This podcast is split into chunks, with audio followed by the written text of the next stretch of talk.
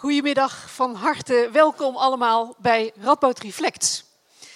Voor ons een uniek moment. Sinds vandaag bestaat Radboud Reflects en dit is het allereerste eh, programma van onze nieuwe organisatie. Fijn dat jullie daarbij zijn. Radboud Reflects als uh, voortzetting van het Soeterbeek-programma en het Centrum voor Ethiek is de organisatie die nieuwe uh, verdiepende perspectieven biedt op grote vragen in maatschappij en in wetenschap. Uh, mijn naam is Elian Keulemans, ik ben hoofd van Radboud Reflects en ik heet jullie van harte welkom.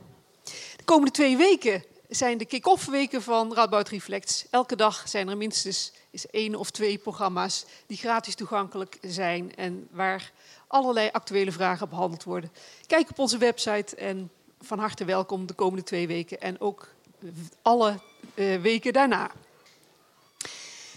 Het actualiteitencollege van vandaag gaat over de Dalai Lama. In uh, april van dit jaar heeft de Dalai Lama aangekondigd dat hij de veertiende in de rij van reïncarnaties van de Dalai Lama ermee ophoudt om te reïncarneren. En die mededeling heeft uh, de woede van China opgewekt. China is not amused en wil dat de Dalai Lama niet stopt met reïncarneren. Wij kunnen daar misschien een beetje lacherig over doen, maar um, eigenlijk zijn hier uh, allerlei, uh, allerlei kwesties spelen hier op de achtergrond waar wij in het Westen over het algemeen weinig weet van hebben. Um, wij gaan proberen die achtergronden wat te verhelderen in de komende drie kwartier. Um, we gaan het hebben over de vraag wie de Dalai Lama eigenlijk is, welke positie hij heeft in de Tibetaanse cultuur, religie en politiek. Waarom is hij in het Westen eigenlijk zo geliefd en waarom ligt hij zo gevoelig in China? Dat zijn de soort vragen waar wij het straks over gaan hebben. Met, um, uh, met Paul van der Velden. Hij is hoogleraar Aziatische religies aan onze Radboud Universiteit. En met Fred Sengers, China-deskundige en uh, redacteur van het uh, China-blog Blogaap. Um, maar zoals gebruikelijk gaan wij ons actualiteitencollege aftrappen met een column. De columnist van vandaag is Peter van der Heijden. Hij is politicoloog en parlementair historicus. En hij gaat spreken over de Dalai Lama. Peter, ga je gang.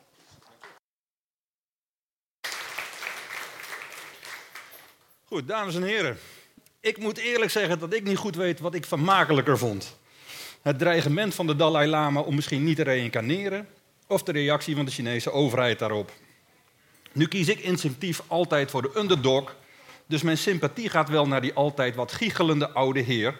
Zeker sinds ik hem een keer een enorme zaal vol VPRO, bakfietsmoeders en dito vaders hoorde mededelen dat ze zich niet zo moeten aanstellen met dat westerse boeddhisme. Omdat boeddhisme helemaal niet bij de westerse cultuur past, zei hij. Maar dat terzijde. Een geweldige zet van die eh, Dalai Lama om te weigeren terug te keren. En hiermee bewijst hij over een uitstekend politiek gevoel te beschikken. Blinde paniek bij de Chinezen, die meenden dat niet de Dalai Lama zelf, maar zij uitmaken of hij reïncarneert.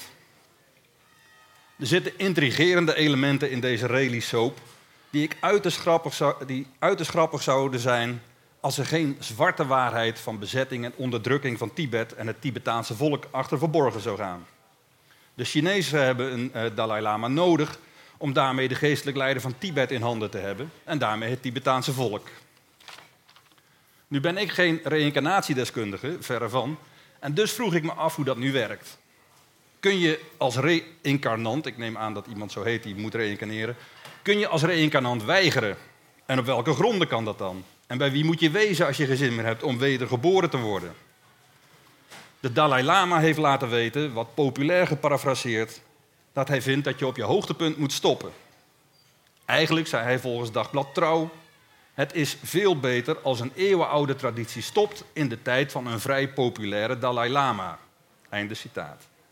Huh? Is de ene Dalai Lama populairder dan de andere? En hoe kan dat dan? Want het is toch steeds een reïncarnatie van de vorige en dus dezelfde persoon. Vragen, vragen. Die vragen hebben de Chinezen niet. Die hadden een hele andere vraag. Wat die Dalai Lama wel niet dacht. Dat vroegen ze zich af. Respectloos naar het Tibetaanse boeddhisme vonden ze hem, die atheïstische bezetters van het Tibetaanse volk en onderdrukkers van diezelfde godsdienst. Hij moet en zal reïncarneren. En de Chinese overheid zal wel zeggen in wie hij is gereïncarneerd. Tja, nogmaals, ik ben geen reïncarnatiedeskundige, verre van. Dus ook hier vraag ik me een aantal zaken af. Hoe je iemand kunt dwingen wedergeboren te worden, bijvoorbeeld. Iemand die daar helemaal geen zin in heeft. Moet je daar voor zijn dood mee beginnen? En waar kun je mee dreigen? Dat hij, als hij niet terugkomt als Dalai Lama, als een heel vervelende meneer of mevrouw terug moet komen? Of begin je pas met dwingen bij de geboorte van de aspirant-reïncarnatie? En hoe herken je die? En wat als je de verkeerde hebt? Wellicht schemerde het al een beetje, er een beetje doorheen, maar ik sta persoonlijk licht sceptisch tegenover het hele idee van reïncarnatie. Niet dat ik deskundige ben op, terrein, op dat terrein hoor, verre van. Maar zeker sinds een ex-geliefde mij ooit uitlegde dat haar hond binnen het gezin wel degelijk een voorkeursbehandeling verdiende. Omdat het de reïncarnatie van een gestorven familielid betrof. Zie hier de reden voor mijn aanwezigheid in eerder genoemde zaal vol VPRO bakfietsouders. Neem ik het concept van de fysieke wedergeboorte met een flinke korrel zout. Je moet het wel heel bond gemaakt hebben in mijn optiek. Wil je terugkeren als een stinkende, zijn eigen en andermans fecaliën etende labrador. Maar goed, tolerant als ik ben, gun ik iedereen zijn geloof in van alles en nog wat. Maar om nu zo'n hooglopende ruzie te hebben over iets dat helemaal niet kan plaatsvinden, dat gaat mijn pet eigenlijk te boven. Dat niveau zijn wij hier in het Westen gelukkig al eeuwen ontstegen. Kwestie van vooruitgang. Hier zul je geen strijd tegenkomen over bovennatuurlijke sprookjesfiguren met bovennatuurlijke daden. Zoals onsterfelijke heiligen met knechten die door nauwelijks nog bestaande schoorstenen glijden en zo een zwart uiterlijk verkrijgen. Ach, kon er hier ook maar één van de twee partijen wat over giechelen in plaats van steeds harder over en weer te schreeuwen. Dat zou pas vooruitgang zijn. Dank u wel.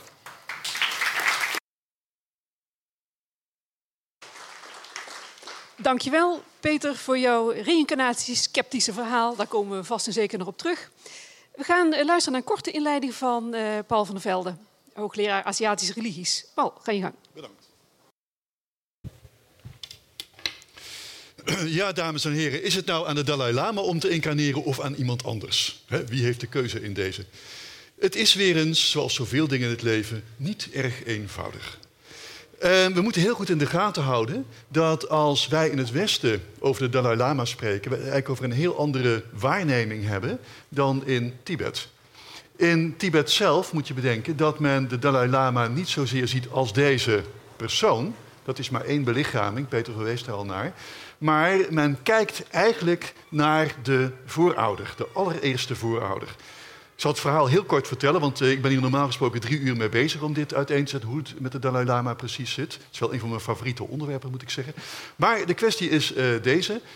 Een aap, en die aap was niemand minder dan de bodhisattva Avalokitesvara, want daar hebben we het over, daalde af in de Yarlung-vallei om daar te mediteren. Een vrouwelijke demon raakte verliefd op hem. Uh, ze kregen kinderen, dat zijn wij geworden, hè, wij mensen. Bij ons kun je iets beter zien dat wij van de apen afstammen dan bij de Tibetanen. Want wij hebben haartjes op de armen, wat Tibetanen veel minder hebben. In ieder geval, uh, daar zijn de mensen uit voortgekomen. Mensen maakten ruzie onder elkaar, gingen terug naar de aap. Aap leerde hen veeteelt en landbouw. Toen hadden ze bezigheden en sedertdien was er geen ruzie meer. Dus de Dalai Lama, hè, de Bodhisattva Avalokitesvara, brengt vrede. Dat is een van zijn grote functies. Uh, hij incarneert voortdurend, hè, hij blijft voortdurend terugkomen in de uh, Tibetaanse cultuur. Maar op een bepaald moment uh, verschijnt hij als koning Songtsen Gampo, 6e eeuw na Christus. En deze Songtsen Gampo huwt met twee prinsessen. Eentje komt uit China. En die prinses gaat mee naar Tibet en ziet daar dat het land bestaat uit een grote vrouwelijke demon die vastgelegd moet worden aan de aarde. Dat is een heel proces geweest. Songtsen Gampo bouwt 108 tempels om die vrouwelijke demon vast te leggen. En sedertdien heb je geen aardbevingen meer in Tibet, zegt de traditie. Dus de Dalai Lama brengt stabiliteit. Tweede functie. Vervolgens was er een van de Mongoolse Khans, Altan Khan, die zag dat er zoveel strijd was onder die Mongoliërs, dat hij dacht, ik moet een figuur uit Tibet halen die hier een boodschap van vrede gaat brengen. En zijn oog viel op Sonam Gyatso. En Sonam Gyatso was een hoge lama in de Gelugpa-traditie, de geelmutsen. Deze Sonam Gyatso die is naar uh, Mongolië gekomen. Altan Khan was diep onder de indruk van zijn predikingen en heeft hem een titel gegeven, de titel Dalai Lama.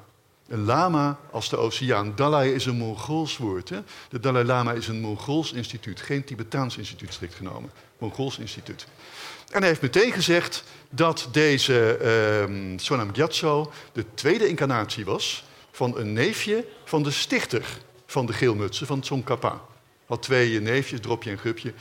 Iets anders de uitspraak, kijk, maar in praktijk heet ze dropje en gupje, zo praat iedereen erover. Maar van één van die twee was dit de tweede incarnatie. Nou goed, dat, toen hadden we dus, eh, vanaf dat moment hebben we eigenlijk echt de derde, de derde Dalai Lama. Een lama die voortdurend terugkomt. Het idee van terugkerende, dit soort grote terugkerende leiders eh, stamt uit het boeddhisme, maar ook uit de andere religie van Tibet, de Beun-religie. In het boeddhisme heb je het idee dat een bodhisattva, een verlicht wezen, kan kiezen om terug te komen en zelf de plek kan uitzoeken waar hij of zij geboren wil worden. In de Beun-religie was het de gewoonte om de geest van gestorven koningen op te roepen in kleine kinderen. Nou, die twee ideeën kwamen samen. Daar komen die incarnatielijnen uit voort. Want alleen het Himalaya-gebied kent het. Hè? Je komt het tegen Nepal, Bhutan, Ladakh, uh, Mongolië, uh, China, de plekken waar Tibetaans boeddhisme zit. Maar Thailand, Laos, Cambodja, et cetera, die geloven er gewoon niet in. Die hebben daar helemaal niks mee. Nou goed, we moeten dus goed in de gaten houden. Een regering kan een incarnatielijn instellen. En wat had Altan Kaan gezegd? Hij zal veertien keer komen. Dus toen ik hoorde van uh, of er een vijftiende komt, toen dacht ik, nee, dat heb ik ook altijd geweten. Dat er geen vijftiende zou komen. What's new, what's different. Dat was al gezegd. Maar goed, um, misschien was het idee een beetje verwaterd. Dat kan er natuurlijk van komen in de loop der tijd. Het is lang geleden. Anyhow, um, de vijfde Dalai Lama uh, werd gesteund door Khusri Khan. Ook weer een van de Mongoolse keizers, 17e eeuw. En toen de steun van Khusri Khan wegviel, heeft de vijfde Dalai Lama steun gezocht van de Chinese keizers. Met die steun, die militaire steun, heeft de vijfde Dalai Lama centraal Tibet kunnen innemen en gevochten tegen allerlei koningen. Amdo en Kan, et cetera, heeft hij toen tegen gevochten. De vijfde Dalai Lama bouwde de grote Potala. Toen de vijfde overleed, is zijn dood twaalf jaar verborgen gehouden, omdat de Potala nog niet klaar was, in dat grote paleis. De zesde is gezocht en is ook gevonden. Uh, alleen ze hebben twaalf jaar verborgen gehouden dat de vijfde dood was. Ze hadden een stand-in voor de moeilijke momenten. Je zag hem toch haast nooit. Hij had een zonnehoed op. En dan zag je op het terras af en toe op grote afstand zwaaide hij, et cetera. Na twaalf jaar kwam het bedrog uit. De zesde was toen al volwassen naar men zei. Hij was twaalf, dan ben je volwassen in de Tibetaanse cultuur. Heb je vriendinnetjes gehad, je kunt paardrijden, et cetera. En de zesde wilde best overdag in de Potala zitten. Wat hij niet wilde was monnik worden. Dus overdag zat hij in de Potala, s'avonds ging hij uit in de Scholl, de bordelen en kroegen aan de basis van de Potala. Daar eh, vermaakte hij zich. En op een bepaald moment vonden de Mongoliërs toch dat het wat te wild werd. Ze hebben hem ontvoerd en toen zaten ze in Lhasa opeens zonder Dalai Lama. Ze hebben het Nechung-orakel geraadpleegd, want wat is er precies aan de hand? En Nechung zei, Avalokiteshvara heeft het lichaam verlaten. Toen dachten ze, dan zal hij wel dood zijn. Nieuwe gezocht, de zevende, is geïnstalleerd. Op de dag dat de zevende werd geïnstalleerd, wie was terug uit uh, Mongolië? De zesde. Toen waren er twee. Dat is lastig. Orakel is weer geraadpleegd en men besloot dat de zevende de echte was. Maar sedertdien bestaat de gedachte dat Avalokiteshvara het lichaam kan verlaten, ook als de incarnatie nog leeft. Als de embodiment nog niet dood is. De zesde is overigens de meest populaire. Die heeft hele mooie liefdespoëzie geschreven. En tot op de dag van vandaag wordt die opgenomen, ook in China. Chinezen kennen die liederen ook. Nou, 7, 8, 9, 10, 11, 12 sterven vrij jong. Dat heeft allemaal oorzaken, maar daar ga ik even niet op in. 13 is weer een hele krachtige Dalai Lama. He, sterft in 1934. Uh, toen Younghusband in 1904 Tibet binnenviel, Brits-India viel toen Tibet binnen, is hij nog gevlucht naar China. Zo close waren China en Tibet nog in die tijd. Uh, 1934 hebben we natuurlijk deze Dalai Lama, Tenzin Gyatso. Nou goed, dan komt het hele verhaal van... Uh, ja, hoe gaat dit nu verder? Nou goed, ik uh, ga het heel erg uh, in het kort vertellen, want ik uh, zie Eliane al. Ehm, wat speelt er nou rond deze Dalai Lama? Ik bedoel, hij brengt vrede, hij brengt stabiliteit. maar de, het lichaam, de incarnatie, kan eruit. Dat speelt. Dit alles speelt rond deze Dalai Lama. Enerzijds heb je Tibetanen die zeggen: dit is de echte incarnatie van Avalokiteshvara. Want uh, hij weet de dharma aan te passen aan wat Tibet nodig heeft en aan wat het Westen nodig heeft. Want we moeten niet onderschatten, de meerderheid van de aanhang van de Dalai Lama woont inmiddels in het Westen en niet meer in Tibet zelf. Waar zijn positie toch altijd al enigszins omstreden was hoor. Dat is gewoon zo. En eh, dat speelt met name rond een aantal kwesties. En die hebben met name te maken met de aanpassing van het boeddhisme aan het Westen. En dat zijn zaken als bijvoorbeeld de verering van de godheid Dorje Shugden. Een godheid die door heel veel Tibetanen werd vereerd. De Dalai Lama heeft daar afstand van genomen. En daarmee gaat hij eigenlijk in tegen twee van zijn leraren, Tritiang en Pabonka. En eigenlijk kan dat niet. Verder past hij ook uh, zaken aan, bijvoorbeeld als, het, uh, als NASA met mooie luchtfoto's van het universum komt. Dan zegt de Dalai Lama, misschien moeten wij het boeddhisme in deze herzien. Klopt het niet helemaal. En dan zijn er Tibetanen die zeggen: nee, natuurlijk, uh, dat heeft te maken met het feit dat je een ontwikkeld dharma-oog moet hebben. Dan pas ga je zien hoe het universum echt werkt. Uh, als, als gewone waarnemer van de wereld zie je dat niet. Deze Tibetanen zeggen ook: je zou, als je de Dalai Lama ziet, eigenlijk twee extra armen moeten zien, want hij is een verschijningsvorm van deze vorm van Avalokiteshvara met twee extra armen. Bovendien zou je een lotus moeten zien op de plek waar hij loopt. Nou, ik zie dat niet, want dat kan aan mij liggen.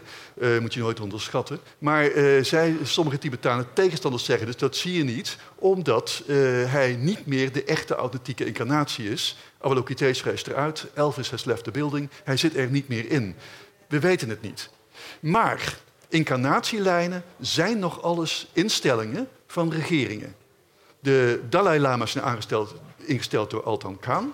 De Dalai Lama zelf heeft ook een lijn ingesteld, de Panchen Lama. Dus is het aan de Dalai Lama, is het aan de regering wie bepaalt wie de volgende wordt. En dat zou ik willen zeggen.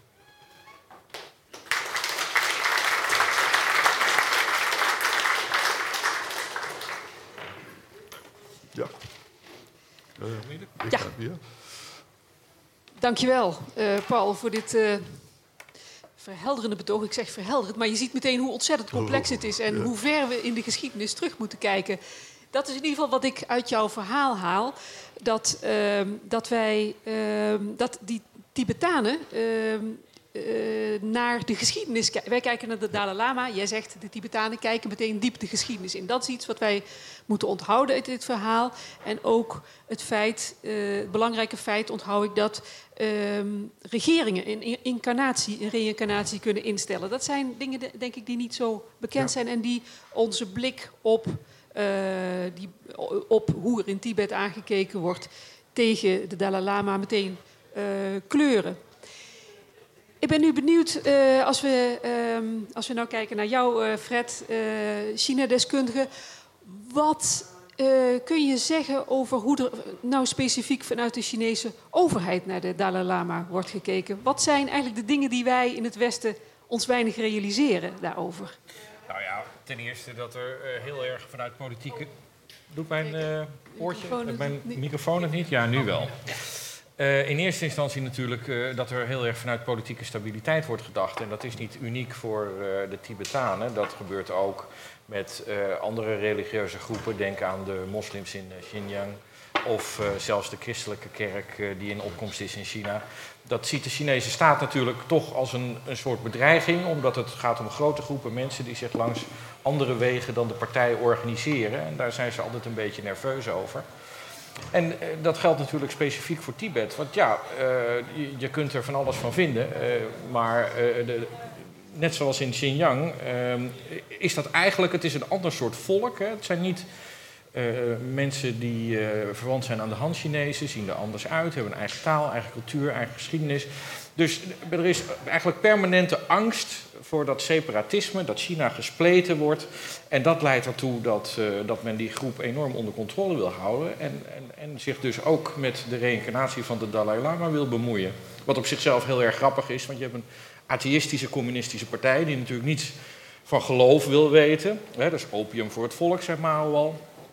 Uh, en, maar aan de andere kant vinden ze het te belangrijk om het uh, los te laten, zal ik maar zeggen. Hoe, hoe kan dat, uh, Paul? Dat, dat zo'n Chinese overheid, waarvan wij zouden zeggen: ja, dat is toch gewoon een wereldlijke overheid, dat die zich bemoeit met dit soort dingen als de opvolging van de religieuze leider?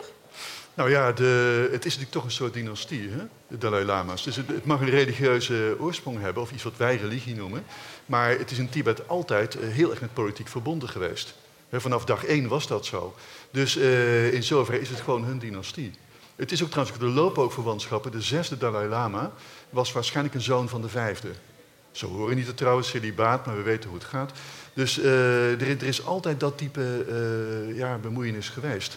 Dus de Chinezen leggen ook veel meer de nadruk op de wereldlijke aspecten van de Dalai Lama's. Ook niet onderschatten bij de vijfde bijvoorbeeld. Die voerde een en al oorlog. Tegen Bhutan, hè, tegen Kamen Amdo, et cetera. Dat was toen aanpassing van de leer. Hè, van, de, van wat, wat de dharma, wat uh, de boeddhistische leer moest zijn op dat moment.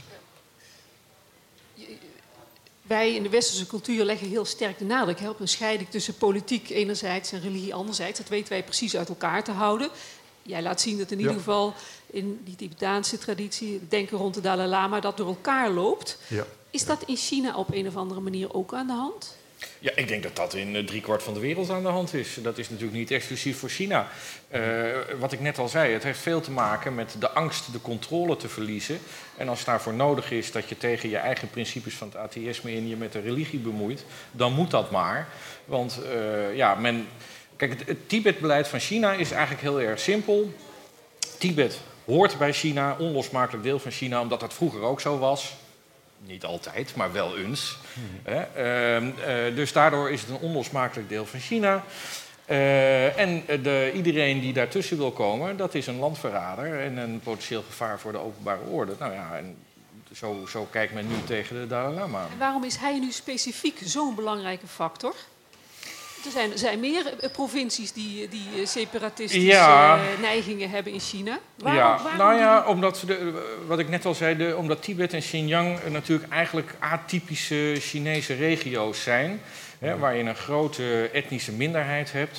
het is dan ook niet de status van provincie, maar van autonome regio. Waar andere regels gelden op het gebied van culturele taal en godsdienstvrijheid.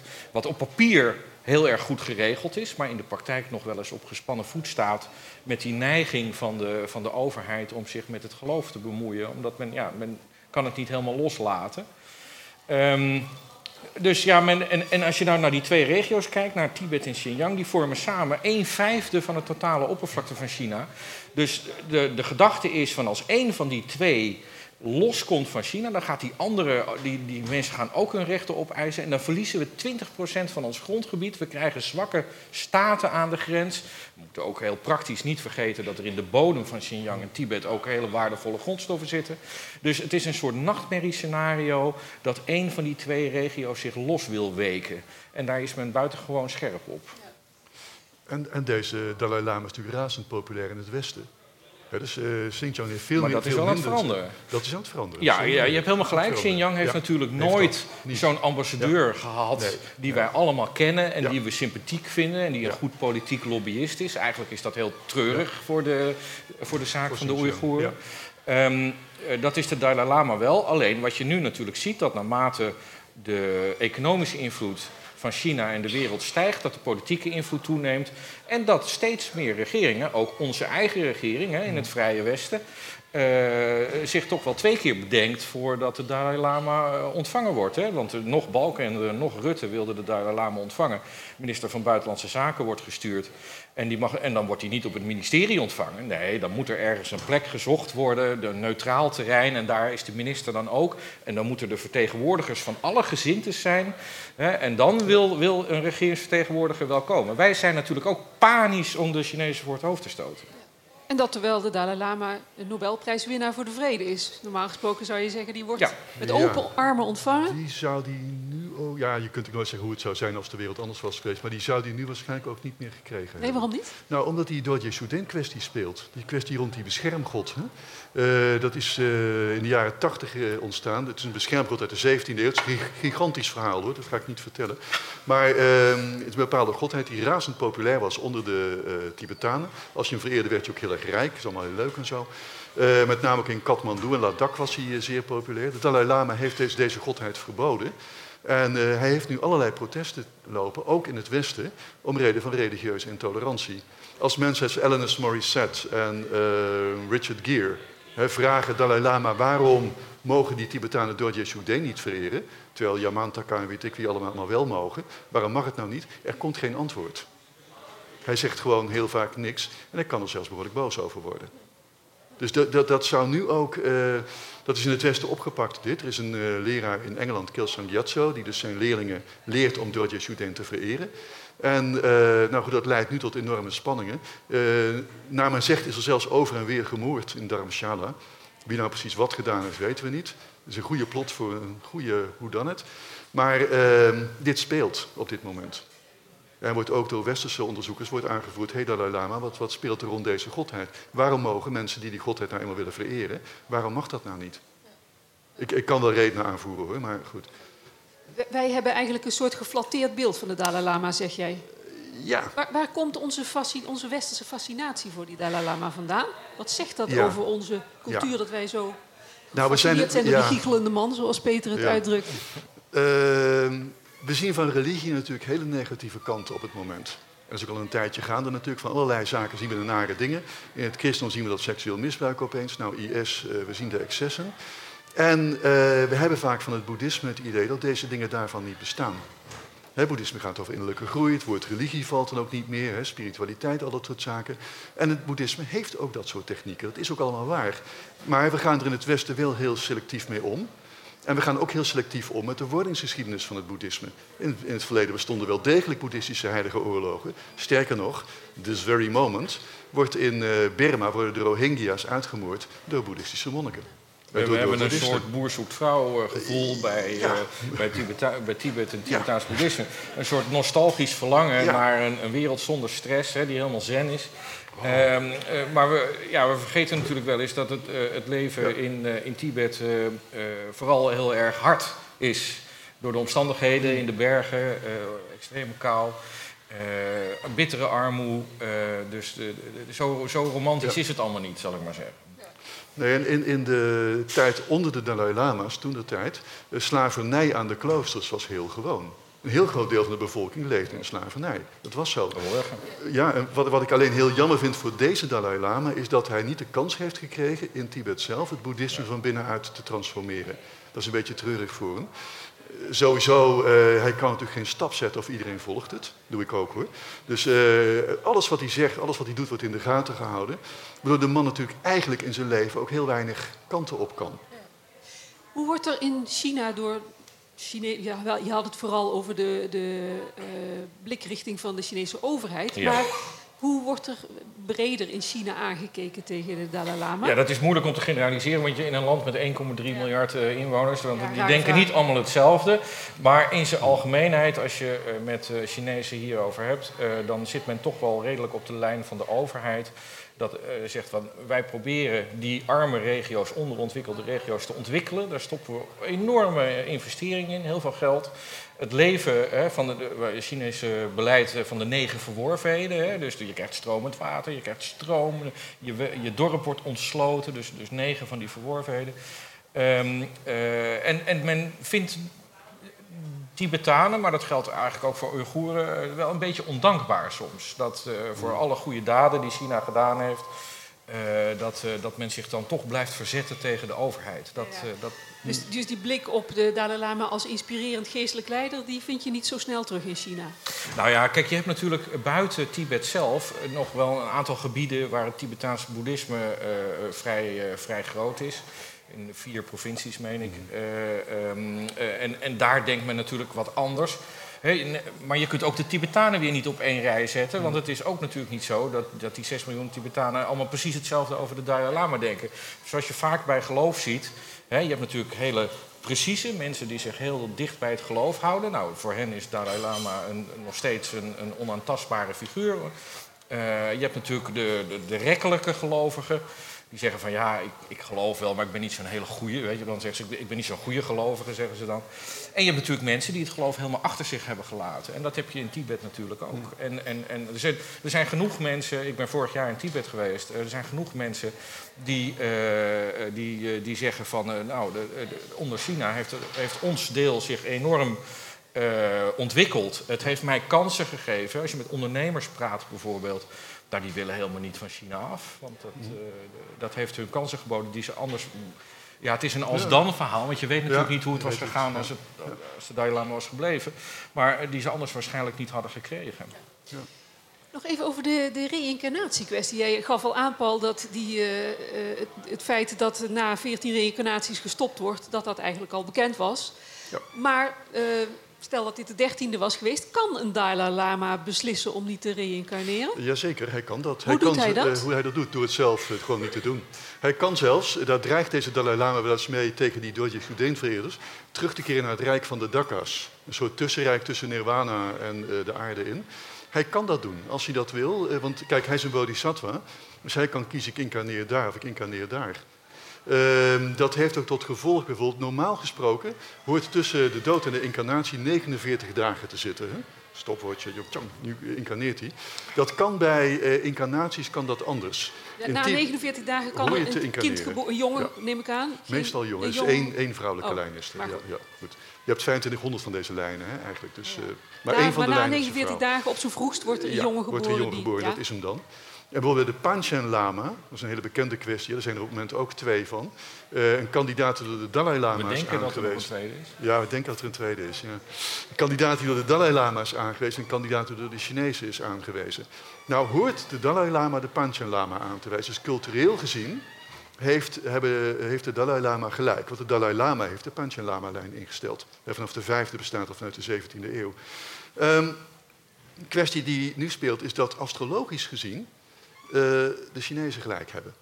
Is althans in uh, China en Tibet verteld. Dus ja, ook dit is een beetje een lastige kwestie. Waar de uh, kandidaat van de Dalai Lama is, is onbekend. Hè. Die is als klein jongetje verdwenen. We weten gewoon niet waar die zit. Van die andere komen mooie fotoboeken uit.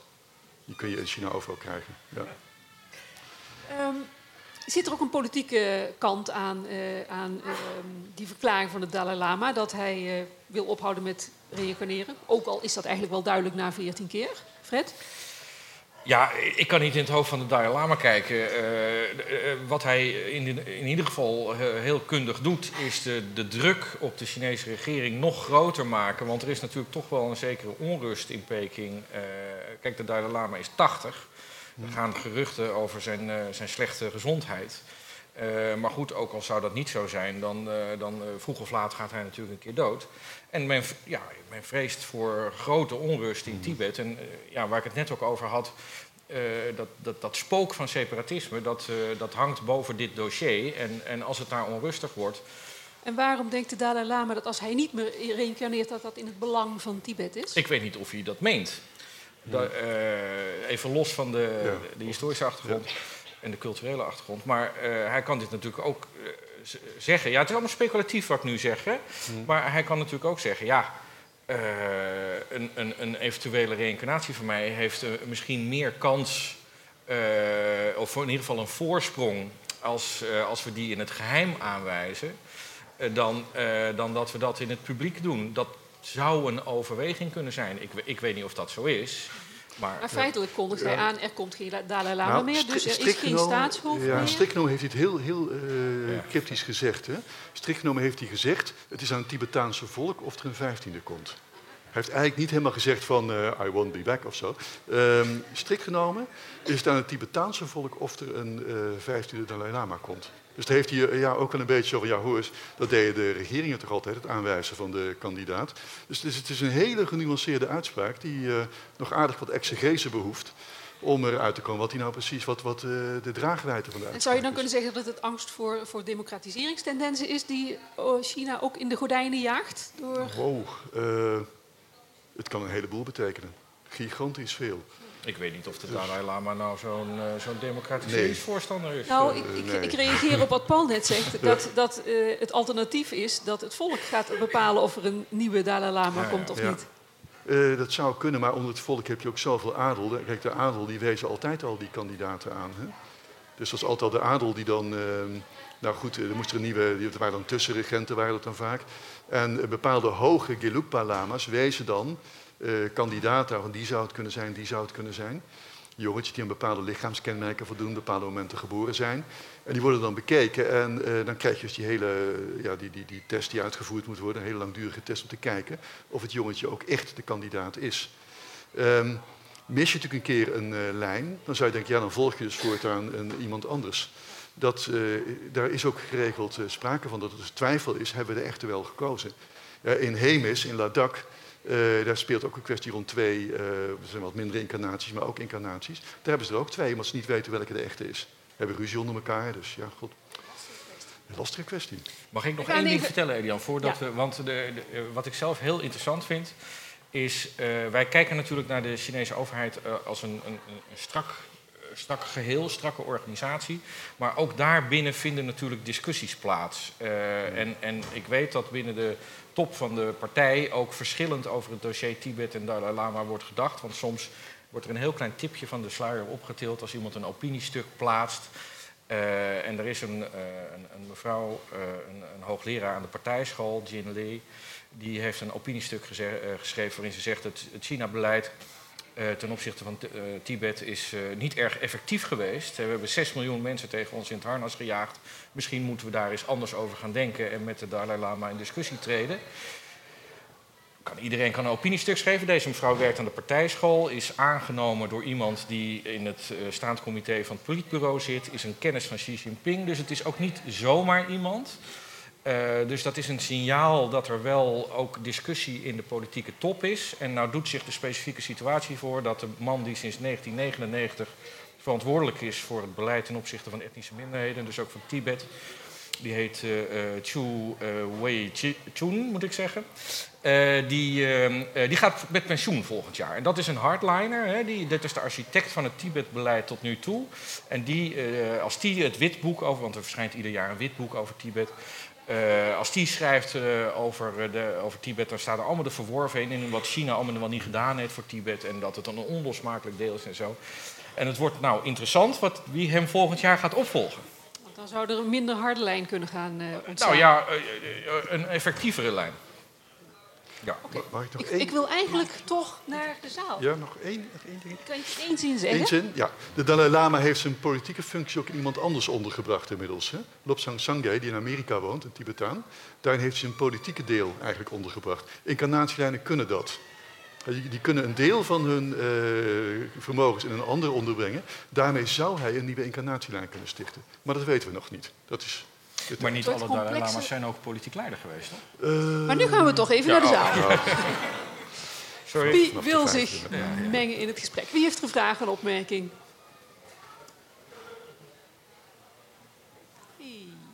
Nog, ja. Daar komt uh, mijn collega Robert geeft de microfoon aan. Ja, is het niet zo dat um, hoe de Dalai Lama gekozen wordt, dat dat ook een heel politiek proces is? En dat dat in het voordeel is van de hele politiek en uh, om het even oneerbiedig te zeggen? Het is, het, het is vaak nogal een, uh, wij zouden zeggen, nogal wat manipulatie wat erbij komt kijken. Ja. Kijk, de mooie verhalen over het jongetje wat de, wat de kettingen herkent en, al, en de namen noemt, et cetera, dat is hagiografie. Dat is vaak achteraf. Maar op het moment van de verkiezing zelf, nee, dat is vaak de, bijna altijd belangen van, uh, van partijen, van families, et cetera. Dat speelt nogal. Dan moet er vaak achteraf aangetoond worden dat zo'n kandidaat van hele armoedige afkomst is. Dat is vaak toch, als je diep genoeg graaft, niet helemaal het geval. De moeder van de Dalai Lama blijkt van hele hoge adel te zijn. Dat gebeurt.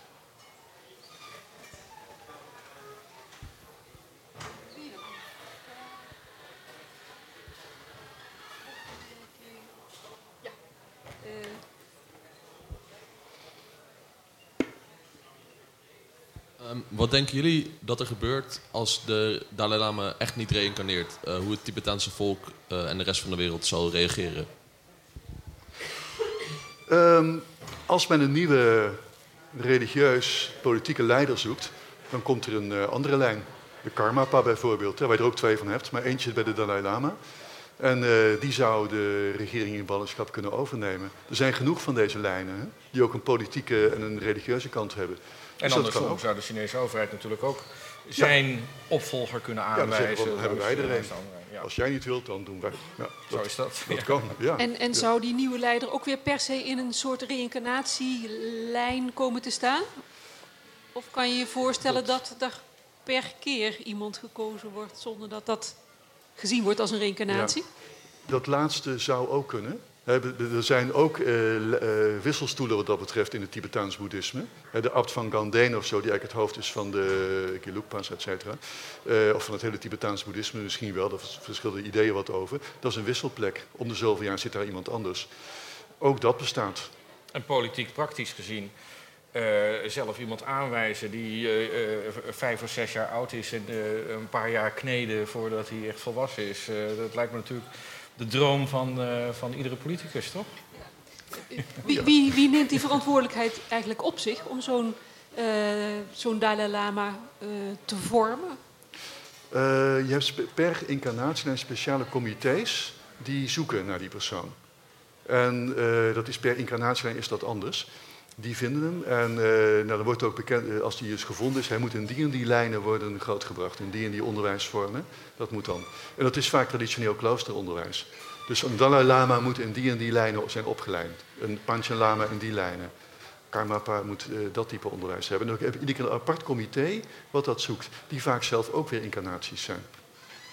Maar zo'n jongen wordt in een klooster geplaatst? Die komt op moment komt hij in een klooster en daar groeit hij dan meestal op. Ik denk bij mezelf ook wel eens of het nou echt waar is of niet, of mensen incarneren op deze manier. Als je een kind van vier uit de tent bij zijn ouders vandaan haalt en daar in die traditie zo laat groot worden, die wordt het ook. Die gaat die persoon ook belichamen, want hij is het. Het gaat ook wel eens mis trouwens. Hè. Uh, er, is, er zijn ook uh, kandidaten in het Westen gevonden. Dus onder andere El Niño Lama, Eusel, dat was een Spaanse jongen. Hij is trouwens nog steeds, maar dat was een, um, een zoon van een echtpaar wat dus een bepaalde lama in uh, Spanje volgde. Die jongen is grootgebracht als Tibetaanse lama. Hij is nu uh, al een paar jaar uitgetreden, maakt nou uh, techno house, maakt hij nu. Dus ja, dat is weer eens wat anders. Hè, dan basisopleiding, Dalai Lama. Ja, ja, ja, maar dat is er, ja. Wie nog een vraag en opmerking? Ik vroeg me af, waar wijst de Dalai Lama op als hij zegt dat het boeddhisme niet bij de westerse cultuur past? Um, meestal zegt de Dalai Lama, uh, je hoeft niet van religie te veranderen om een beetje van uh, mededogen en wijsheid te houden. Dus wat hij heel vaak zegt is, uh, zoek wat ik je onderricht, met name in je eigen cultuur en in je eigen religie. En met uitspraken als van, je hoeft niet per se boeddhist te worden om een beetje van wijsheid en mededogen te houden. Dat is natuurlijk een aardige uitspraak. Hè? Daar bereik je heel veel uh, mensen mee. Uh, tegenstanders zeggen dan dat is verkwanselen van de dharma. Want zo, zo maak je steeds vaker wie eigenlijk boeddhist is. Maar ja, kijk, in het Westen hoor je natuurlijk ontzettend vaak... Uh, boeddhist is een state of mind. Hè? Dat is niet per se een bekering. Boeddhist is een manier van kijken naar de wereld of, of een levenswijze. Al dat soort discussies krijgen, een spiritualiteit, et cetera. Dus je kunt ook zeggen dat dat een soort handreiking is naar de westerse aanhang. Die, die het woord religie niet willen horen. Want bij religie denk je meteen, oh, dan mag er weer een heleboel niet. En de grote massa van de aanhang zijn toch leken. En die hebben weinig te maken met al die regeltjes die het boeddhisme kent. De 227 voor de monniken en de 331 voor de nonnen. Afhankelijk van welke traditie je dan uh, te maken, mee te maken hebt. Men zal zich niet springend tussen huizen begeven. Men zal het binnenste gewaad niet aantrekken als de sleur van een olifant. Men zal niet prediken tegen iemand die op een olifant zit, tenzij die persoon ziek is. Nou goed, al dat soort regels. Doe dat ik ook nooit hoor. Nee? Nee. Och.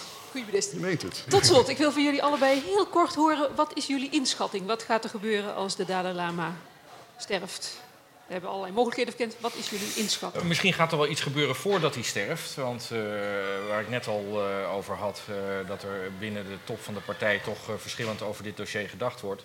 En één stroming is natuurlijk van wij moeten voordat hij komt te overlijden en wij in een hele onvoorspelbare situatie terechtkomen, toch nog een poging wagen om, om met hem in ieder geval te communiceren en, en, en, en de lijn richting de Tibetaanse bevolking beter te maken. En uh, ja, en als hij doodgaat, ja, de, your guess is as good as mine. Uh, geen idee. Het kan alle kanten op. Het, Paul, het zal in ieder geval voor, voor, onrust zorgen. Ja, ja zeker. Dat gegarandeerd. Dit, dit is uh, heel, heel goed. heel goed morgen dit scenario zich zal voltrekken. Ik acht het ook totaal niet uitgesloten dat de Chinezen een Tibetaanse kandidaat kiezen, maar die ook helemaal wel Chinees, een Chinese lijn opvoeden. Dat het dus wel een Tibetaan is, maar helemaal naar het Chinese voorbeeld. Ja, ja, dat zou kunnen. Ja. Hartelijk dank. Beste mensen, ik hoop dat jullie niet uh, verder in verwarring zijn geraakt dan jullie al waren rondom deze kwestie. In ieder geval is duidelijk dat het aantal perspectieven op deze zaak oneindig is en dat wij zoals we het in de pers lezen, vaak de diepte van de, van de, van de thematiek helemaal nog niet vatten. Dus dit was uh, uh, verdiepend en verhelderend, okay, toch. Ik dank jullie zeer hartelijk, Paul van der Velde en Fred Singers. Ontzettend dank voor jullie toelichting. Ik dank jullie voor jullie aanwezigheid en hoop jullie nog heel vaak terug te zien bij Radboud Reflects. Uh, om te beginnen de komende twee kick-off weken. Kijk op onze website voor al onze programma's. En graag tot ziens.